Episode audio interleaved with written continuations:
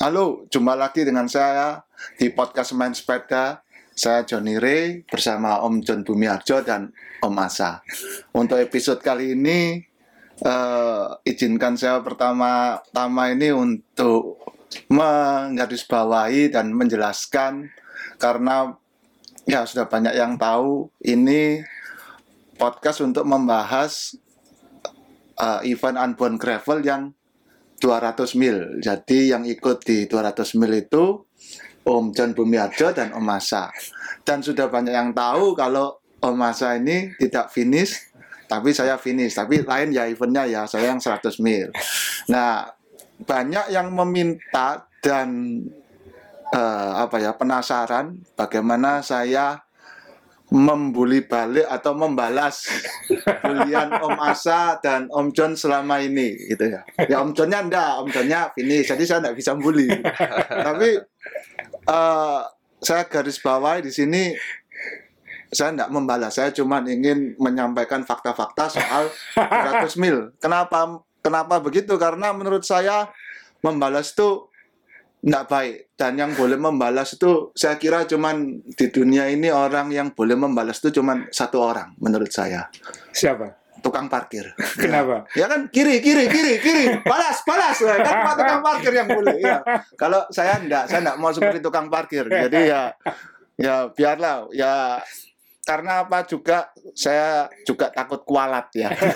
Karena ya kalau diizinkan dan kalau dipaksa itu tahun depan pasti ikut. Jadi ya lebih baik saya baik-baik sekarang supaya saya tidak kualat tahun depan.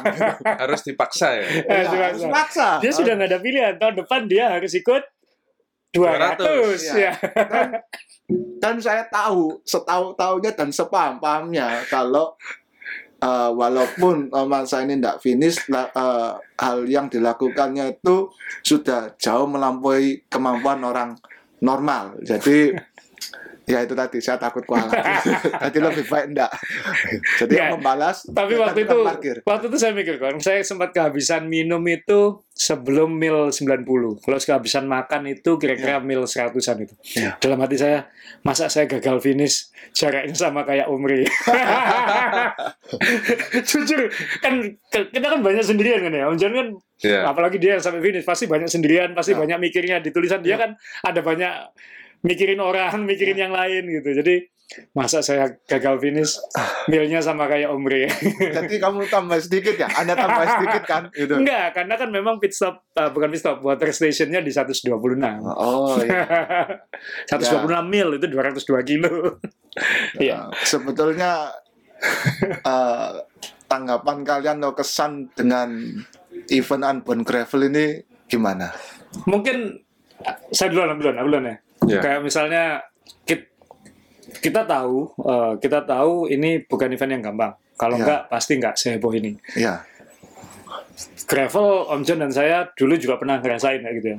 Meskipun pakai road bike tapi kita Iya. punya bayangan gravel pernah naik gravel lah gitu. Cuman saya juga pernah SMA di Kansas. Jadi Iya. saya tahu Kansas itu seperti apa. Ya, yang saya yang saya tahu anginnya yang hati-hati. Yang saya tidak menyangka adalah kawasan Kansas yang kita datangi itu ya, ternyata tidak ada datarnya karena Kansas itu terkenal flat. Jadi Kansas itu tempat saya SMA dulu di tengah Kansas itu. Kalau kita melihat sejauh mata memandang itu datar. oh, Kita kemarin tuh hampir nggak ada. Kita bayangin 300 kilo. Kemudian kalau di Indonesia kita latihan kan banyak. Misalnya kita bisa ngatur ritme, pace, ya, ngatur Ah, irama, misalnya sekian watt atau sekian kilometer per jam, segini terus selama berkilometer. Ini kan nggak ada. Ini Ya. interval terus kalau buat saya gitu. ya, Jadi salah saya sendiri juga, saya sudah nulis saya salah sendiri, eh, agak underestimate. Kita waktu nyoba tes rute itu juga ternyata cuma dikasih yang gampang-gampang ya Ya. kan. Waktu Ya. kita ikut grup itu ternyata kita cuma dikasih icip-icip eh, sekeliling kotanya aja. Jadi Appetizer. appetizer nggak disampaikan ke ya. tempat-tempat yang anu. Jadi sempat kan kita ngomong kayaknya nih tidak sesulit yang kita bayangkan. ya. Soalnya ternyata waktu itu pendengar kita tuh dua hari sebelumnya kita mencoba dua kali, ya kira-kira 25 kilo dan 40 kilo. Ya masalahnya di sini kita bisa masih jalan 30 kilometeran ya. ya. Itu Iya. saya, apalagi yang om-om ini yang lebih kuat ini, wah bisa ini. Wah, Om John bisa waktu itu saya dengar 12 jam. 13. Dan dia nambah loh. Dia nambah ingat nggak? Dia nambah dia nambah latihan. Iya. Ya, dia 13. Kita pulang berdua, dia nambah Ya. sendiri bro. Kamu nambah Terus- berapa mile? Kalau nggak salah Nambah 25. Dia nambah 25 lagi. mile. Iya. Ya, dan Masa waktu itu eh, targetnya Pitesan karena wah ini bisa nih Pitesan secara karena kita menjangkau 40 kilo itu cuman berapa satu jaman Satu jam setengah, satu iya. jam setengah. Iya, wah iya. gudir ini ya. Maksudnya bisa lah. Saya aja tergoda untuk ngambil 200 mile tapi nggak bisa karena sudah daftar 100 Syukur Nah, saya kan tanya dia, dia kan eh, aku nggak tahu ekspektasinya dia seperti apa. Minimal waktu berangkat mungkin kurang lebih sama, tapi ketika hari H atau sebelumnya ekspektasinya ya. Ya, kita kan pernah coba gravel di Portland ya. Iya. Jadi bayangan saya itu batu gravelnya itu bakal seperti itu. nah sekarang gini gravelnya gimana kalau di Portland Kalau di Portland itu batunya lebih kecil-kecil. Jadi- Jadi kayak yang godir tadi itu. oh iya iya ya, yang godir awal itu. yang Yang 30 km per jam godir itu ya betul. Oh, ya. iya, iya. Tapi yang kita temui kan yang nah yang bukan godir. setelah masuk di dalam Iya, setelah masuk di dalam. Iya. Setahu itu yang tidak menyangka terus yang kedua sama kayak Om Masrul saya tidak menyangka kalau tanjakannya sesat di situ nah karena ini yang Amerika ngomong Amerika John loh ya bukan Amerika kan biasanya kan kalau bikin gradien kan lebih sopan-sopan saya iya Iya. paling 6% Heeh. sedangkan kemarin banyak di atas 10-nya gitu. Ya, ini kira-kira kalau eh, orang yang pernah ke Surabaya daerah Surabaya itu setara apa Om John kira-kira kalau gradiennya itu kayak Sulit Gondrong. ya, nggak ada sebenarnya. Kan di Gondrong. sini di sini nggak Di ada. sini- Kita nggak bisa ngomong gradien gradien 12% itu mungkin kalau yang pernah ikut Bromocom ya kira-kira ya terakhir-terakhirnya itu lah ya. 5 Iya. kilo terakhir itu kan konstan 10-12%. Balidono atau kayak atau kayak Lim Sing Tim mungkin Serius Atau Surya. itu? Iya, iya Surya. lo kemarin tuh kayak Lim Sing. Iya. Iya, 12%. dan itu di atas batu gravel yang besar-besar. Oh, berarti saya capek. Pantas lah kalau gitu ya. Loh, tapi Ya, kamu kan tapi juga lewat. Om Rey- Oh, tapi dia rutenya agak beda sih. Om Rey yang rute godir. Dia nggak lewat karena Om Rey 100 mile. rutenya hanya sama sampai mil 30 ya. Sampai mil 30, setelah mil 30 dia belok kiri, kita kan lanjut ke Nah, utara. saya secara elevasi itu separuhnya Anda loh. Jadi cuman kalau kue itu ya cuman dibagi dua gini. Kuenya Ya. sama loh. Tapi gradiennya nggak ketemu yang aneh-aneh. Ketemu yang ada. Oh. Iya, mungkin cuma satu dua kali mungkin. Wah, eman lah gitu. Mestinya ya kayak kan tadi bilang batu-batu memang sulit menjelaskan Om Rey di tulisannya bilang kayak seperti gowes di depan toko bangunan ya. Kalau Iya. ketemu toko ban- bangunan yang jualan Iya. tumpuan kerikil-kerikil itu ya Iya. cuma lewati kerikil-kerikil itu. Itu Iya. kan kerikilnya masih kecil-kecil. Masih kecil. ya. Ini saya kita baca ya, kita baca bahwa itu eh, batu panah kan itu batu-batunya itu bukan bunder-bunder halus itu bukan, tapi Ya, bentuknya kotak-kotak tajam-tajam. Iya. ya. Itu yang dipakai oh, suku ah, apa suku asli Amerika dulu Indian itu untuk Iya. mata panah kan. Ya. Dan itu yang yang saya nggak nyangka adalah sialan maksudnya tanjakan kayak gitu dan tanjakan itu kan selain batunya besar-besar kan juga nggak semuanya bisa dilewati gini kan Om Jon ya? Iya. Ada yang ada kalau bahasa Jawanya kroak, ada yang eh, apa lubang apa seperti dipecah bagian sini sehingga kita harus lewat kiri. Di video mungkin bisa lihat itu Om John ngelewatin orang yang berhenti atau apa. Jadi naik turun naik turun saya ngelihat waktu mil 100 itu mil 100 itu kan sudah 160 kilo jarak mungkin ya. Ya. Saya sudah nanjak 2300. Oh, ya. Itu sudah lebih daripada event Bromocom. Meskipun tidak satu tanjakan itu. Ya. Dicicil. Kita tahu 3000 berapa? 3600 totalnya kan. 3.600. 3600 kan total nanjaknya. Jadi saya pikir 100 mil pertama udah 2300. Berarti seharusnya kan 100 mil berikutnya kan Lebih nggak sebanyak ini. Jadi Ya. sempat menghibur diri kayak gitu juga. Nggak bisa, panasnya sudah di atas, Ya. anginnya makin kencang gitu. Jadi eh, ya nanti bicara soal kesalahan saya kan bukan masalah itu ya kesalahan saya kan soal makanan tapi Om John mungkin bisa menceritakan juga angin sama sama Terus sa- panas itu satu lagi. Ini waktu ini kan jalannya nggak lurus terus ya. Hmm. Karena Maksudnya? berbelok-belok. Oh ya. Waktu belok itu kita nggak bisa kenceng. Oh ya, karena Soalnya. Ya. ngepot-ngepot gitu loh. Iya. Jadi nah Iya iya 90 derajat. Iya, ya, 90 derajat, itu iya. itu kita beloknya itu susah. Kayak kita mau belok itu tapi nggak bisa belok. Ya, jadi gini mendengar karena rutenya juga saya kan juga lewat. Jadi misalnya nih belokan 90 derajat. Kalau kita di jalan umum di aspal itu kan, weh kayak Valentino Rossi gitu ya. Nah, Iya. Bisa bisa agak ngepok gitu. bisa diambil ya. Ya, bisa yang agak gini gitu. Nah, itu itu jangankan ngepok karena menurut saya kan gini, paling gampang orang bersepeda itu kan lihat depannya. Ya. Iya. Ya, yang bule-bule aja ketika belok itu saya kaget karena mereka tuh nyaris berhenti, nyaris berhenti. Jadi ada belokan tuh tahu-tahu ngerem gitu. Pertama saya mau ngegas aja, tapi karena wah ini yang tahu rutenya aja ngerem apalagi saya ya, saya ikut ngerem. Ternyata tumpukan kerikilnya itu kalau kita salah milih itu kalau kira-kira segini dan tidak rata. Jadi Iya, di sini iya. tebal, di sini Iya. segini, di sini tipis gitu. Nah, ini kalau kita asal aja ngambil belok itu pasti kan yang ban belakang atau ban depan kan loncat ke yang tinggi Loncat itu. atau terbenam ya. Nah, akhirnya mantap di situ dan bisa bisa jatuh seperti yang ada di video-video itu kan. Ya, di video tadi mungkin ada yang kelihatan saya harus hampir overshoot ke kiri karena kelompok di depan saya ya itu tadi belokan 90 derajat ke kanan. Ya. Uh, saya coba uh, ngurangi kecepatan. Depan bilang slow down, slow down di depan teriak gitu kan. Iya. Enaknya di sini kan semua komunikasi ya. Iya. Kalau kita ada apa-apa, ayo oke. Kemudian uh, slow down on your left, on your right ngasih tahu kan, selalu komunikasi. nah itu di depan bilang slow down, slow down. Saya udah hampir bablas sih. Jadi saya overshoot ngambil sebelah kiri jadi ngelebar di kiri gitu terus saya bilang slow down too much. Gitu. Ya, sekelilingnya ketawa semua. Karena ya memang ya saya nggak pengalaman juga dengan tikungan-tikungan itu gitu. Jadi nggak bisa kenceng.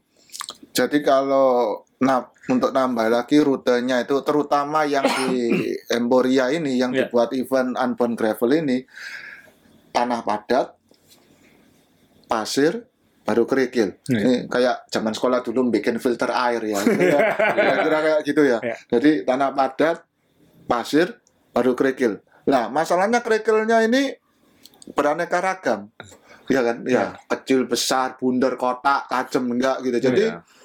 eh apa ya kita itu eh, nggak bisa misalnya ini pasti yang tajam-tajam ya kita tahu speednya bisanya segitu. Iya. tapi kita akan kaki ketika sudah melewati kerikil yang lebih jinak maksudnya lebih bisa dilalui cepat ya kan yang biasa di situ sudah tahu ya kalau ini tipe gini digeradak bisa. Nah, Hmm. kita kan masih belum nyari-nyari pengalaman ya ya masih belum pengalaman. Ini ini gimana kelihatannya? Enggak apa-apa. Dilewati tahu-tahu tebel terus bannya kayak tenggelam itu kan tapi Om Ring nggak dapat bagian yang paling berat dari event ini Om John Apa itu? Little Egypt Oh, nggak dapat ya? kamu nggak lewat Little Egypt jadi sekali saya sekali. Jadi itu mil 95 sampai 100. Itu ada bagian ketika kita lewat ada tulisannya. Uh, Iya, Little Egypt Little dikasih Egypt. spanduk ya, dikasih Iya. spanduk Little Egypt belok kanan. saya sudah feeling waduh ini bagian yang dimaksud itu itu. Kemudian ya itu itu itu bukan menurut saya itu sudah sudah borderline sudah nyaris rute MTB menurut saya. benar kenapa kok namanya kok sampai Little Egypt Saya nggak tahu karena mungkin kawasan itu dikasih nama Little, Little Egypt. Egypt. Karena kan Oh. memang uh, di Amerika Tengah banyak kota-kota namanya seperti Timur Tengah kan ada kota namanya Lebanon, ada kota oh Jadi mungkin kawasan itu dikasih Kasih nama, nama Little, Little Egypt. Dan itu bagian yang jujur saya berhenti dan saya sempat berbaring di pohon di situ karena di bawah pohon karena kurma enggak enggak enggak mikir pohonnya pohon kurma di Kansas itu nggak ada pohon ya. Cari pohon aja susah. iya iya Yang Little kan. Egypt itu susah cari pohon. oh Jadi kalau ada pohon itu selalu ada penghuninya biasanya di bawahnya. Kalau selalu, selalu ada, akhirnya pasti ada orang di yang Indonesia juga gitu terutama beringin biasanya Oh gitu ya. ya ada penghuninya cuma nggak kelihatan Nggak, kalau di Little Egypt penghuninya cyclist. Cyclist. Oh, Jadi kalau nemu pohon, saya temu ini pohon saya ambil, saya mau berbaring di bawahnya Nah, kayak gitu. kalau di Bali kan sampai dikasih kain Kan gitu. uh, Om, Om John mungkin nemu kan di situ rata-rata nuntun semua nanjaknya nggak ada ya? Iya, Nuntun nanjak semua, nuntun. Little Egypt itu. Itu bagian yang. Kemudian ada timing chip habis itu. Jadi setelah Little Egypt ada timer. Jadi kita dihitung waktunya melewati di situ. Itu yang eh, itu bagian karena kan setelah itu saya nggak ngerasain lagi setelah itu rute-rute biasa Om John yang lewati sampai Council Grove dan sampai finish saya kan KU nggak jauh dari situ jadi ya aduh sulit membayangkan kayak yang dilihat di video yang dilihat di foto-foto seolah-olah jalannya lebar Ya. putih kerikil itu kan nggak kelihatan itu kan nggak mulus sama sekali kan ya Ya. Ya. kelihatannya mulus tapi Sampai- kita apa ada pem- yang anda lihat ada pembalap trek itu yang jatuh ya waktu itu Iya, ya? itu di awal-awal itu di bagian yang agak teknikal sih. Eh, jadi banyak kecelakaan memang. Eh, sebelum sebelum pit stop pertama KM 111 sudah 200 orang out sudah. Sudah out itu 200 orang. Oh, Jadi menghibur diri ini. Iya, iya. menghibur diri. Eh, kemudian eh, pembalap profesional juga eh, jatuh di situ eh, istilahnya peleknya jadi taku. oh ngelempit. ngelempit ya saking karena kan eh, saya nggak tahu Om Jan nge- kena berhenti karena ada kecelakaan atau enggak saya Iya, sih ada. sedang berhenti karena Berhenti. ada kecelakaan ya Ada kecelakaan. itu biasanya kalau sudah karena jalannya tiba-tiba menyempit menyempit jadi kayak single track MTB Ya. gitu semua berebut ke situ lalu tabrakan Ya. ada yang jatuh ya itu pembalap trek itu salah satunya peleknya patah istilahnya jadi taku itu kan jadi jadi peleknya melipat gini ya kita yang yang saya bersyukur adalah nggak nggak kecelakaan karena yang saya khawatir kan itu kan maksudnya kita nggak pengalaman nggak tahu Ya. rutenya itu juga mungkin yang bikin saya mikir saya pasti gelap banget nanti eh, dan saya akan menghabiskan mungkin 75 kilo di dalam gelap kalau saya Ya. paksakan lanjut dalam kondisi fisik sudah sudah memaksakan Layak, ya. Nah, waktu itu ngobrol sama orang, dia juga bilang, are you good in the dark? Dia tanya saya kayak gitu, are you good in the dark? Saya bilang, jujur, not a lot of experience, saya bilang kayak gitu.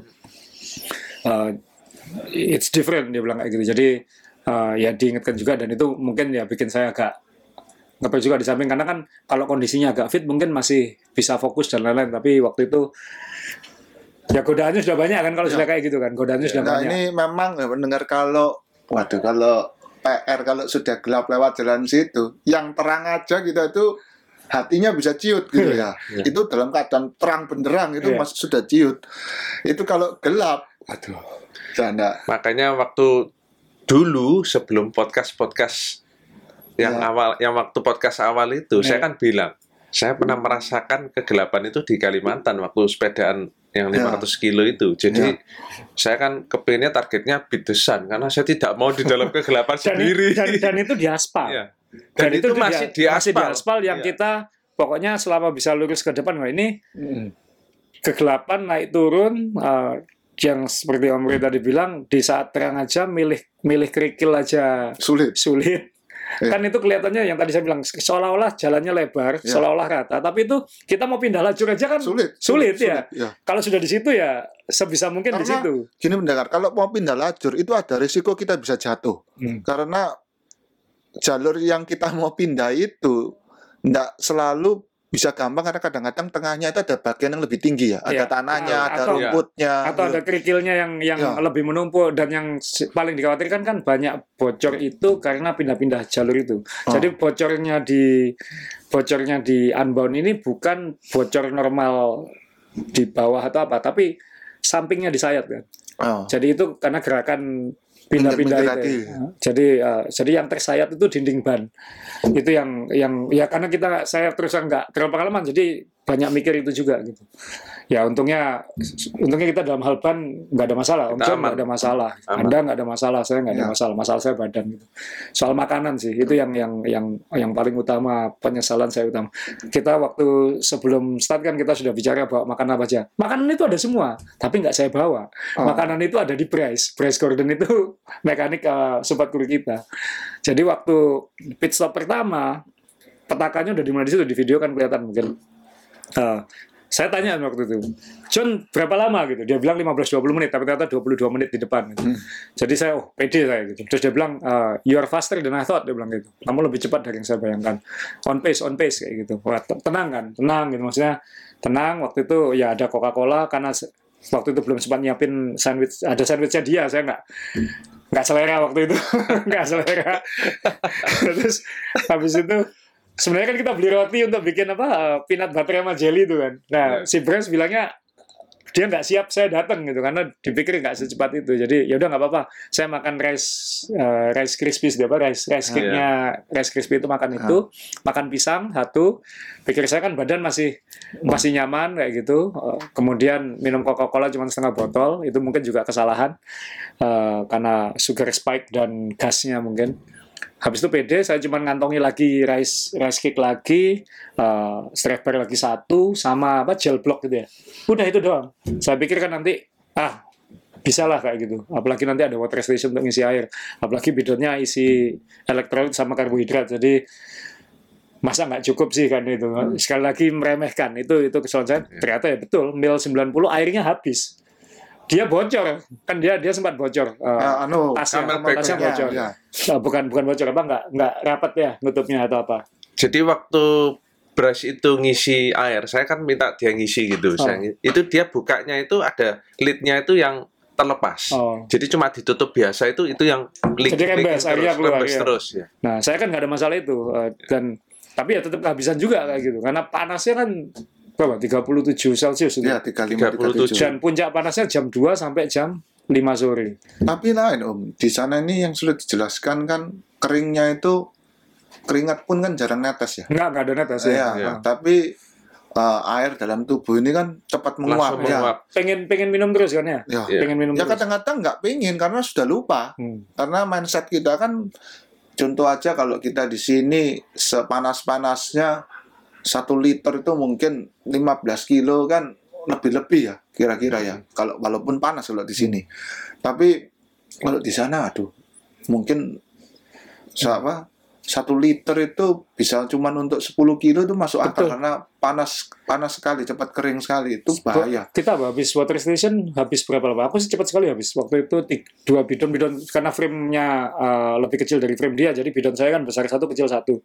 Kemudian uh, satu setengah liter, satu setengah liter pasti habis duluan karena yang paling gampang diminum gini kan. Karena kan nggak Iya. gampang minum minumnya kan juga nggak gampang. Iya. Apalagi kalau ketika naik turun naik turun itu kan minumnya nggak gampang. Itu habis mungkin 20 mile mungkin 20 25 mile ya. Kira-kira segituan sih. Karena kan ditambahi water station satu lagi sama dia. Selisih 25 mile itu. Kalau kalau aku aku budget satu jam satu bidon. Satu jam satu Oh, bidon. Iya. itu banyak Iya. loh termasuk itu kan Banyak. 700 700 mili Yang atau bidon 500 bidon Bidon saya besar. agak agak besar. Yang besar gitu ya. 700-an 700-an, 50 mili berarti Ya. Satu jam tiga jam itu berarti berapa? 40 mile ya?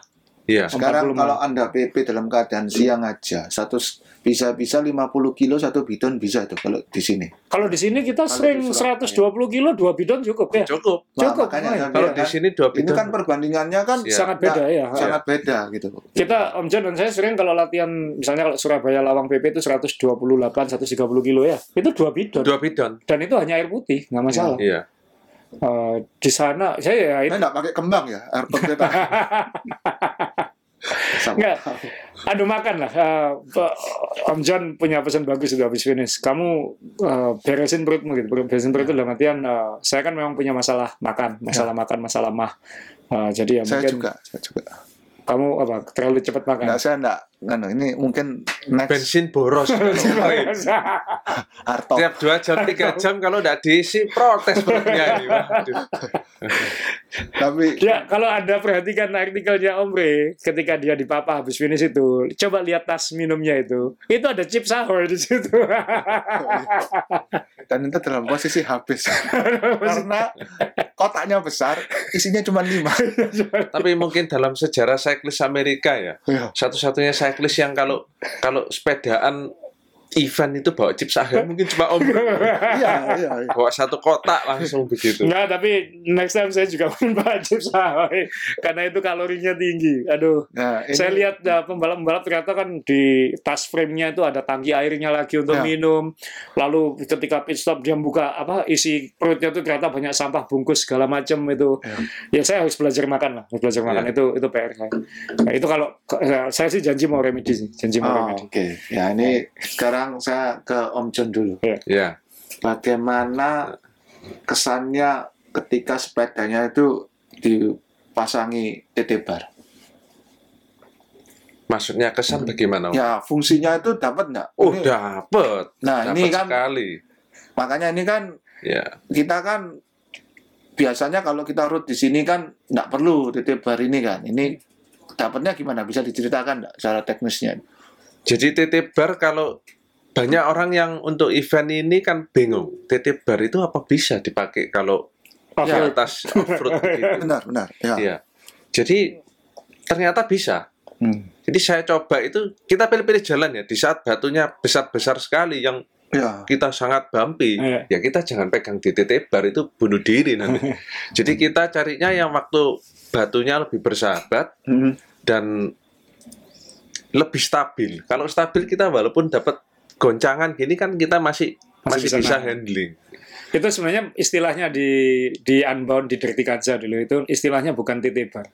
Nah, Istilahnya bukan aerobar, apa itu? rest bar. Rest bar. Rest Jadi bar. sambil Iya, istirahat. istirahat ya. Karena saya bisa bayangin sih saya ini saya agak lecet-lecet karena kan mindah mindah Hmm. gigi terus. Ini sering ke kegesek-gesek shifter itu. Jadi ini sekarang agak ngapal sedikit. Jadi karena kering segala macam Ya, kalau sering- kering sering lecet tuh. Lecet-lecet. Basah-basah dikit dulu. Loh, Iya, maksud benar. orang, Mbak. benar 100% benar ya, benar. Kalau- kering kan lecet. Ya.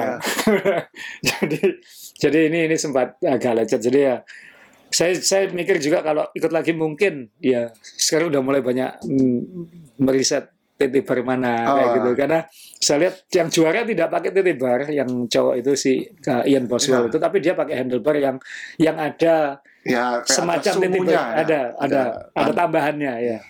Jadi itu itu pertimbangan kalau kalau nanti ikut lagi. Iya. Rest bar mereka nyebutnya. Penting sih. Kalau menurut saya penting itu karena di saat anginnya begitu kencang itu Ya. bisa bisa posisi aero itu sangat membantu. Ini yang yang uh, teman-teman mungkin belum paham ya. Anginnya itu 30 sampai 50 km per jam. Itu Ya. data resmi balapan adalah 20 sampai 30 mil per jam. Itu dari 30 sampai 50 km per jam. Kita mungkin kadang Dan dari depan. mayoritas dari depan. Mayoritas dari depan dan samping. Nah, kita hanya dapat dorongan ketika keluar dari Emporia. Oh. Jadi ketika keluar dari Emporia, uh, sebelum orang kan begitu belok ke kiri itu udah mulai headwind atau Iya. sidewind. Jadi ya tapi itu itu bukanlah uh, yang yang utama kalau saya selama bisa makan ternyata benar saya pernah baca artikel itu bahwa Dirty Kanza ini bukan uh, bukan balapan sepeda, ini balapan makan dan minum. Iya serius. Uh, ini ini saya benar-benar memaknainya semua pelajaran uh, pengalaman bersepeda itu banyak yang nggak relevan di sini buat buat buat saya. Iya. Ini Ilmu Tapi kan- baru. ilmu baru ya. Jadi nanti kalau ikut tahu harus ngapain, tahu harus ngapain. Ya moga-moga nanti itu bisa jadi alat untuk untuk finish dan nanti bisa di sharing supaya Om nanti ketika ikut 200 Nah, jadi ini garis bawahnya pada mau ikut semua nih. oh iya. Iya. Saya sih pengen ikut. Saya nggak tahu dia masih pengen ikut atau enggak. Ya semoga dikasih kesempatan. Oh, jadi pada ingin ikut ya. Iya. Jadi kalau ditanya mau ikut lagi apa enggak, jawabannya mau. Mau. Oh. Tapi mungkin nanti ritual makannya harus dihati-hatiin gitu kan. Kita apa kita kesalahannya apa? Kamu nulis itu under under training. Under Overeating. overeating. Jadi 36 jam pertama kita setelah mendarat itu makan enam kali. Iya. Kacau. Begitu sepedaan makanya sekali. sekali. Jadi iramanya kacau ya, irama Nah, makannya ini kacau. saya punya pertanyaan khusus untuk Om John. Iya, Ketika setelah finish ya. Oh ini ini ya, ini harus tarik sebenarnya ya. Orang Indonesia pertama yang finish unbound gravel atau Kanza. 200 200 nih, mile. Orang. Indonesia pertama. Apa pun apa pun dia orang Indonesia pertama. Ya. Jadi pertanyaannya begini, Om John. Setelah Anda finish, Anda agak merasa kecewa karena waktunya terlalu jauh dengan estimasi. Iya, Betul kan? betul. Salah satu yang Anda salahkan adalah eh, teman Anda yang ngajak makan. Saya nggak nyebut nama loh ya. Ya, ya, ya. ya. Dan chips ahoy kesayangannya. Iya. Ya. Betul ya? Anda berdasar atau berjanji kalau ikut lagi Iya. eh, Aku ikut omongannya. Kita ketemunya langsung di sini ya, Iya, supaya aku nggak ikut makan kamu. Jadi tahun depan kalau ada ini, ada ada kita ikut unbound Ya. gravel lagi yang Ya. 200 mile. Saya kan ngejar Peterson. ya Saya fokus. Enggak, saya ingat Kali ini waktu saya finish, fokus. waktu finish itu dia baru finish kira-kira setengah jam dua jam. Nanti kalau ikut lagi, kita nanti ketemunya di sini. ya. Kita ketemunya di sini. Jangan pergi bareng lagi. Kalau pergi sama-sama remuk redam lah. Enggak, enggak. Sekarang eh, jadi eh, maksudnya apa itu tadi eh, Anda dengan chips ahoy itu siwa. Bukan bukan sih, Pak. Maksudnya itu kan lifestyle kita berapa hari ya? Hampir dua minggu. Dua Dua minggu. pertama yang begitu sehat dan dan mantap itu. Iya. Itu telah saya karena saya tidak berani timbang, jadi saya tidak tahu hari itu saya naik berapa Dia kilo. timbang. Dia timbang. Ya. Ingat nggak? Dia Ya. timbang. Ya, Dia timbang. kalau melihat waktu itu kan Omri timbang dan kalau melihat angkanya Omri yang begitu fantastis ya saya nggak jauh berbeda lah dan sementara Dia rutenya timbang dan ngomel-ngomel. dan rutenya kita tanjakannya seperti itu kan di luar perkiraan Iya. semua jadi Iya. saya tahu waduh ini dead weight saya banyak ini gitu. Apa sudah dead weight, dead Dead weight. weight. Tapi eh, apakah secara khusus Anda menyesali bawa chips ahoy? saya nggak baca chips ahoy Nah, maksudnya kan waktu itu kan makan terus di hotel, bawa Anu. makan. Oh, Revisi ya, karena mereka satu kamar. Jadi di mana ada Ray bawa chips ahoy, pasti ada John. dan saya nggak tahan gitu loh kalau Omri lihat chips ahoy saya juga saya suka makan saya suka chips ahoy saya mengenalkan chips ahoy ke Omri jadi kalau Omri makan apalagi malam jam 12 Kan jam satu gitu ya Omri habis habis jumpa fansnya di IG Jadi di teman-teman kesimpulan hari ini adalah salah chips ahoy. Nah, ya itu tadi makanya. Omri ngemil ya saya nggak tahan juga. Jadi makanya pertanyaannya itu kembali lagi ke laptopnya itu apa berikut itu anti chips ahoy. Chips ahoynya setelah event aja Oh, setelah setelah event aja ya berarti kalau sebelum kasihkan saya dulu. iya ada pertanyaan juga, ada perubahan dalam artian perubahan aksesori atau equipment nggak? Kalau kalau saya kan mempertimbangkan titik bar, Nah, masih fit-fit sih, tapi mempertimbangkan titik bar uh, sama mungkin menggunakan ban yang lebih lebar lagi itu karena masukan dari Brace Gordon waktu itu pakai ban yang lebih lebar lagi. Jadi asal informasi kita pakai ban 40 mm, rata-rata juaranya pakai 40 atau pakai 42 kan ya. Uh, tapi banyak peserta pakai 45, pakai 650B 2 2,1 inci kayak gitu. Saya mempertimbangkan pakai ban lebih besar lagi dikit. Tapi sekali lagi ini masih masih jauh, masih tahu. Tapi ini hebatnya event ini ya. Apalagi yang yang gagal finish kayak saya itu langsung mikirkan kalau tahun depan ngapain, kalau tahun depan ngapain, kalau tahun depan ngapain. Itu itu yang kalau Om Jan apa yang yang kira-kira pengen diubah? kalau TT bar pasti pakai mungkin saya ganti titip bannya yang lebih pendek Yang lebih kecil ya. yang lebih ringan juga Oh, yang lebih ringan. Jadi, Iya, untuk ban ya ini nanti kita masih harus research lagi ya. Masih kan kita harus tes. Harus sama ada kemungkinan kan bakal keluar yang baru yang atau baru. apa ya. Iya. Ya itu hebatnya. Jadi sekarang ini perang perang sepeda ini banyak di gravel ya. Kan kita kita ketemu banyak pembalap pro ya. Iya. Ketika kita foto sepedanya diminggirin ya. Ya, Ternyata itu sepeda prototype. betul. Jadi eh, banyak pabrikan seperti Trek, Canyon, eh, kemudian eh, Feld, eh, apalagi kemarin Cannondale itu ngeluarin sepeda-sepeda baru semua di sini. Dan Ya. kita waktu itu foto sama pembalap-pembalap itu, ketika foto eh, krunya itu kayak minggirin sepedanya gitu, Betul, ya. supaya nggak ke foto ya. Ya, salah satu yang menurut saya dan Om John itu antik adalah atau tidak lazim adalah waktu itu sepedanya trek, warnanya merah. Yang menarik adalah wheelset belakangnya ini seperti wheelset TT kan. Oh iya. Pakai Iya, disc wheel ya. Pakai Pakai disc wheel, disc, ya. ya. Ter- Ketika selesai foto, mereka langsung ngajir. Ternyata keluar di berita malamnya itu sepeda Prototype. prototype. Makanya mereka langsung pergi. Iya. Soalnya kita jangan lihat itu lama-lama Iya. kan. Dan nggak boleh ke foto kan? Oh, nggak boleh ke foto. Iya, nggak Oh. boleh ke foto. Jadi Padahal kita ngajak foto. nggak ada foto. Jadi ya banyak dan mungkin soal nutrisi saya pasti PR-nya makan. Eh, ya soal itu eh, dan soal apakah itu karbon, apakah itu titan, apakah alloy saya nggak terlalu pusing kan. Karena kan Iya. saya belum mungkin dari 1100 pesertanya kelas eh, 200 itu mungkin yang pakai karbon mungkin separuh mungkin. Kayak pembalap-pembalap tim 2024 itu ya kalau nggak salah 2024 nama timnya itu pakai alloy semua. Pakai alloy. Eh, pakai felt alloy Oh, yang gravel. Jadi banyak yang karena memang ya ya tadi jangan sampai jadi taku, jangan sampai karena kan jatuh sedikit Rusak. rusak macam-macam. Omri nanti videonya Omri akan lebih seru karena dia nangkep yang darah-darah katanya. Iya. Yang jatuh di saya, saya yang nyesel saya nggak ya bukan nyesel sih karena kita nggak pengen mereka bencana ya. Memang karena tikungan-tikungannya tadi seperti diomong itu ada yang jatuh saya tahu ini engkelnya pasti kena kayak gitu. Ah, ini bahunya pasti kena. Itu ada beberapa jadi ya tetap ah, terima kasih Tuhan kita semua bertiga dikasih keselamatan.